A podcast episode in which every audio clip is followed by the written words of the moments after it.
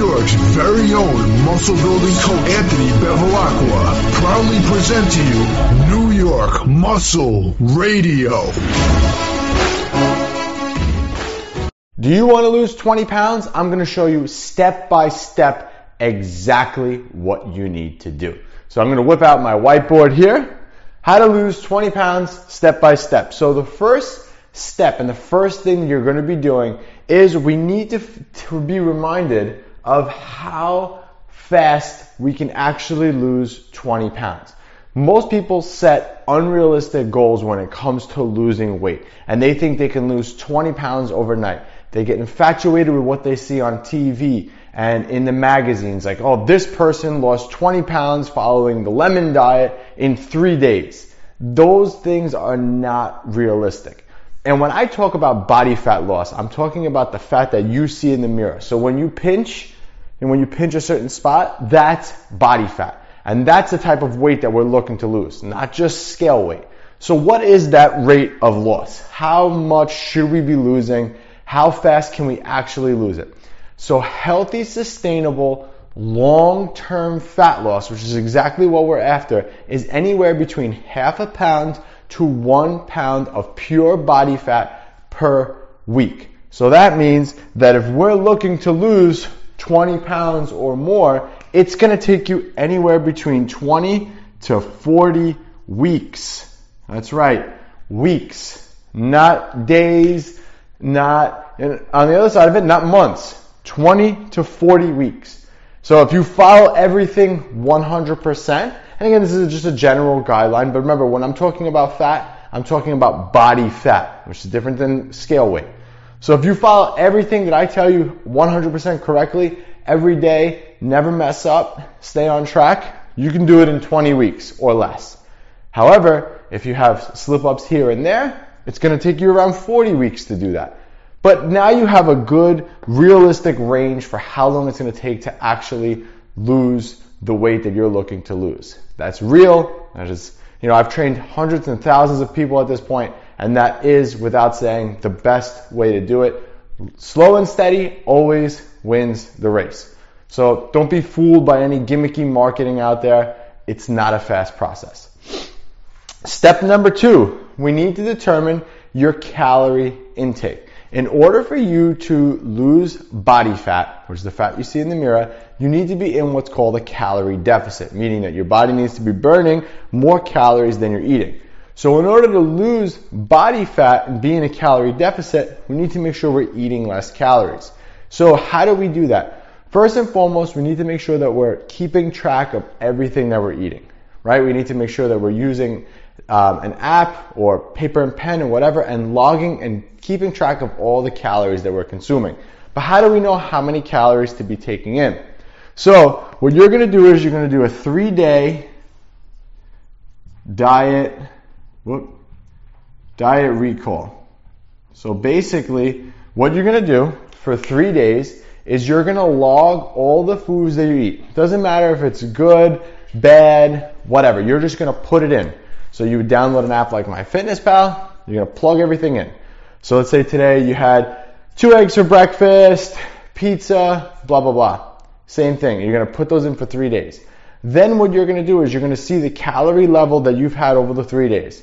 Let's just say it's, and again, my math is horrible, but let's just say it's 3,000 calories, and one day was 3,500, and then the next day was 2,500.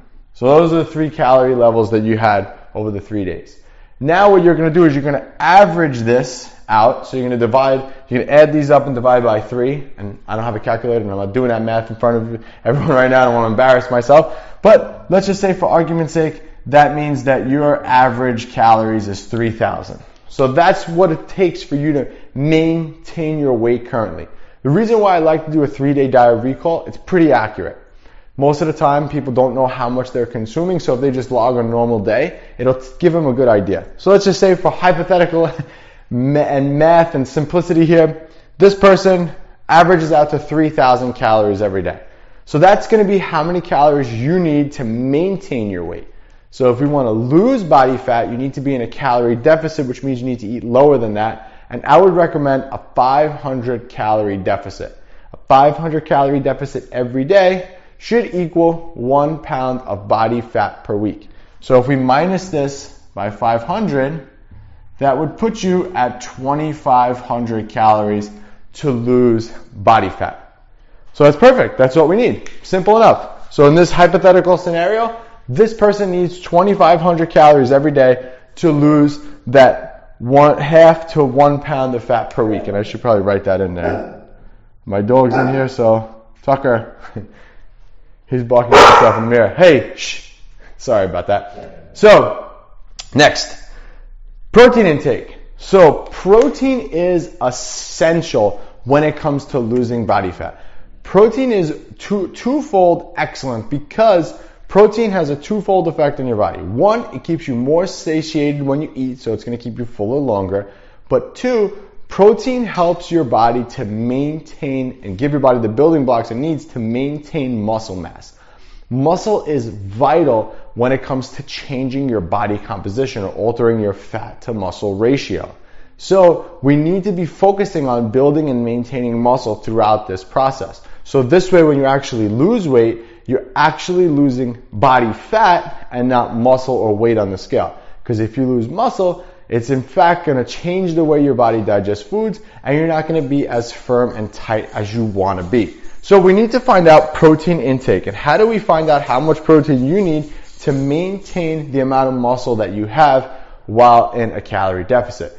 So, protein intake. Where are we at with that? Very, very simple formula. And again, I don't know who's listening to this on the other end at me, but a very baseline formula is going to be one gram. Hey, stop. one gram per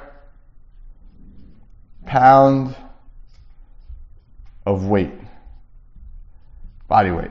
So what that means is if I weigh, and again, Simple math. If I weigh 200 pounds, times that by one, that means I'm supposed to have 200 grams of protein a day. Okay? Just to maintain the amount of muscle mass that I have on my frame. So you have to keep that in mind. Now, what that means is it doesn't matter how you consume that. You could have it in, if you're a vegetarian, you could have it as a vegetarian, so it doesn't matter. As long as you're getting that protein intake in and you're staying within those calories, you're going to lose that half a pound to one pound of fat per week in order to get to your goal of losing 20 pounds. Now, if this, any of this sounds complicated, you could click the link below. I actually wrote this out in my blueprint book. So that's below. You could click that and then it'll teach you everything you need to know. But let's continue. So 200 grams of protein a day. So this hypothetical person who wants to lose 20 pounds needs 2,500 calories a day and needs 200 grams of protein a day to lose that pound of body fat a week. So, step number four, and this is the one that everyone misses, messes up. And most people have this whole, all these steps in the wrong order, and I'll explain that at the end. But step number four is exercise. What type of exercise should you be doing in order to lose body fat and build muscle? Now, the cool thing is, if you're in a calorie deficit and you're eating enough protein, you really don't have to exercise to lose the 20 pounds but it's going to be harder for your body to maintain muscle mass. When you're in a calorie deficit, your body gets rid of everything. It gets rid of fat, it gets rid of muscle. Your body doesn't discriminate against tissue. So if we want to maintain as much muscle as possible and lose as much body fat as possible, we need to make sure that we're stimulating muscle. So the type of exercise that you need to be doing in order to help your body to keep muscle is going to be progressive strength training. You need to be training like a bodybuilder. You need to be doing squats, deadlifts, bench press, you know, and all those other big compound movements done with progression over time. Now, you may be saying, well, that's not my goal. I don't want to do that. Or maybe I have an injury or things like that. There's a lot of alternatives that you can do, a lot of variation to those movements. But you need to be doing compound weight training progressively. So in other words, if you're going into the gym and you're just randomly doing the machines, that's not enough to tell your body to stimulate muscle mass. You need to be have a set routine, you need to follow that set routine, and you need to be forcing your body to maintain muscle. So you do that by, let's say for example today, you squatted 100 pounds. Next time you come to the gym, you have to do 105 for the same reps. And when you do that, your body says, okay, Anthony lifted five pounds more today, So that means that I need to hold on to this muscle tissue so because he needs it, he uses it. And that's very simple. If you're randomly doing random workouts, your body says, ah, this muscle's not really important. I only need it to a certain extent. But in order to maximize the amount of fat loss that you need to do, you need to be able to, again, like I said, be lifting weights with progression. All right? So the bonus step here that most people get this whole thing backwards and, and I say, don't do this. Because I know what some of you are probably thinking. Well, okay, if I need to eat less calories than I'm burning, I need to burn more calories than I'm eating, I'm just going to do a ton of cardio and lose weight that way. And yes, in theory that works. However, the problem with cardio is twofold. One, your body gets used to the amount of cardio that you actually do. So for example, if I'm doing 30 minutes three times a week, at some point, my body gets very efficient at that cardio and it becomes my new standard. Now, in order for me not to gain weight, I need to be doing that amount of cardio. The twofold effect where it gets bad is, is that cardio burns muscle when it's done too much. And again, as I told you earlier, if you're burning muscle, you're not going to be toned and tight. You're going to be flabby and skinny fat, so to say. And that's not a good look. You want to look toned. You want to be one of those people that turns people's heads, right? so in order to get to that, you need to be doing every other step here. So that's why don't let cardio be the thing that's going to get you into that deficit. You need to do the opposite. You need to focus on the diet. 70% of your results are going to come from your nutrition. So the nutrition component is very important. The remaining 28% is going to come from that weight training that's going to stimulate your body to maintain muscle and burn off and push out that body fat from your body. That makes sense? Good. So one other thing, like I said, most people do is they have this all screwed up. This is the rates in which you need to be doing it. Step one, understanding how long it's going to take you. Step two, being in that calorie deficit, making sure you're honest with that. Step three, having your protein intake. Step four, exercise. So once you understand this is the way it works, then it makes it easy to do it step by step. Doesn't matter if you need to lose 20 pounds, 30 pounds, 40 pounds, 50 pounds, doesn't matter. As long as you're following this, you're golden. So keep that in mind. Hopefully this video helps you. And again, if you want this done for you, just click that link below, pick up my blueprint book, and that will help you. Anthony, AB Fitness Center, and I'll catch you guys on the next one. And that's the episode. Don't forget to subscribe, leave us a five star review, and pick up our signature muscle building programs at NewYorkMuscleRadio.com. Thanks for listening. This was New York Muscle Radio, and we're out.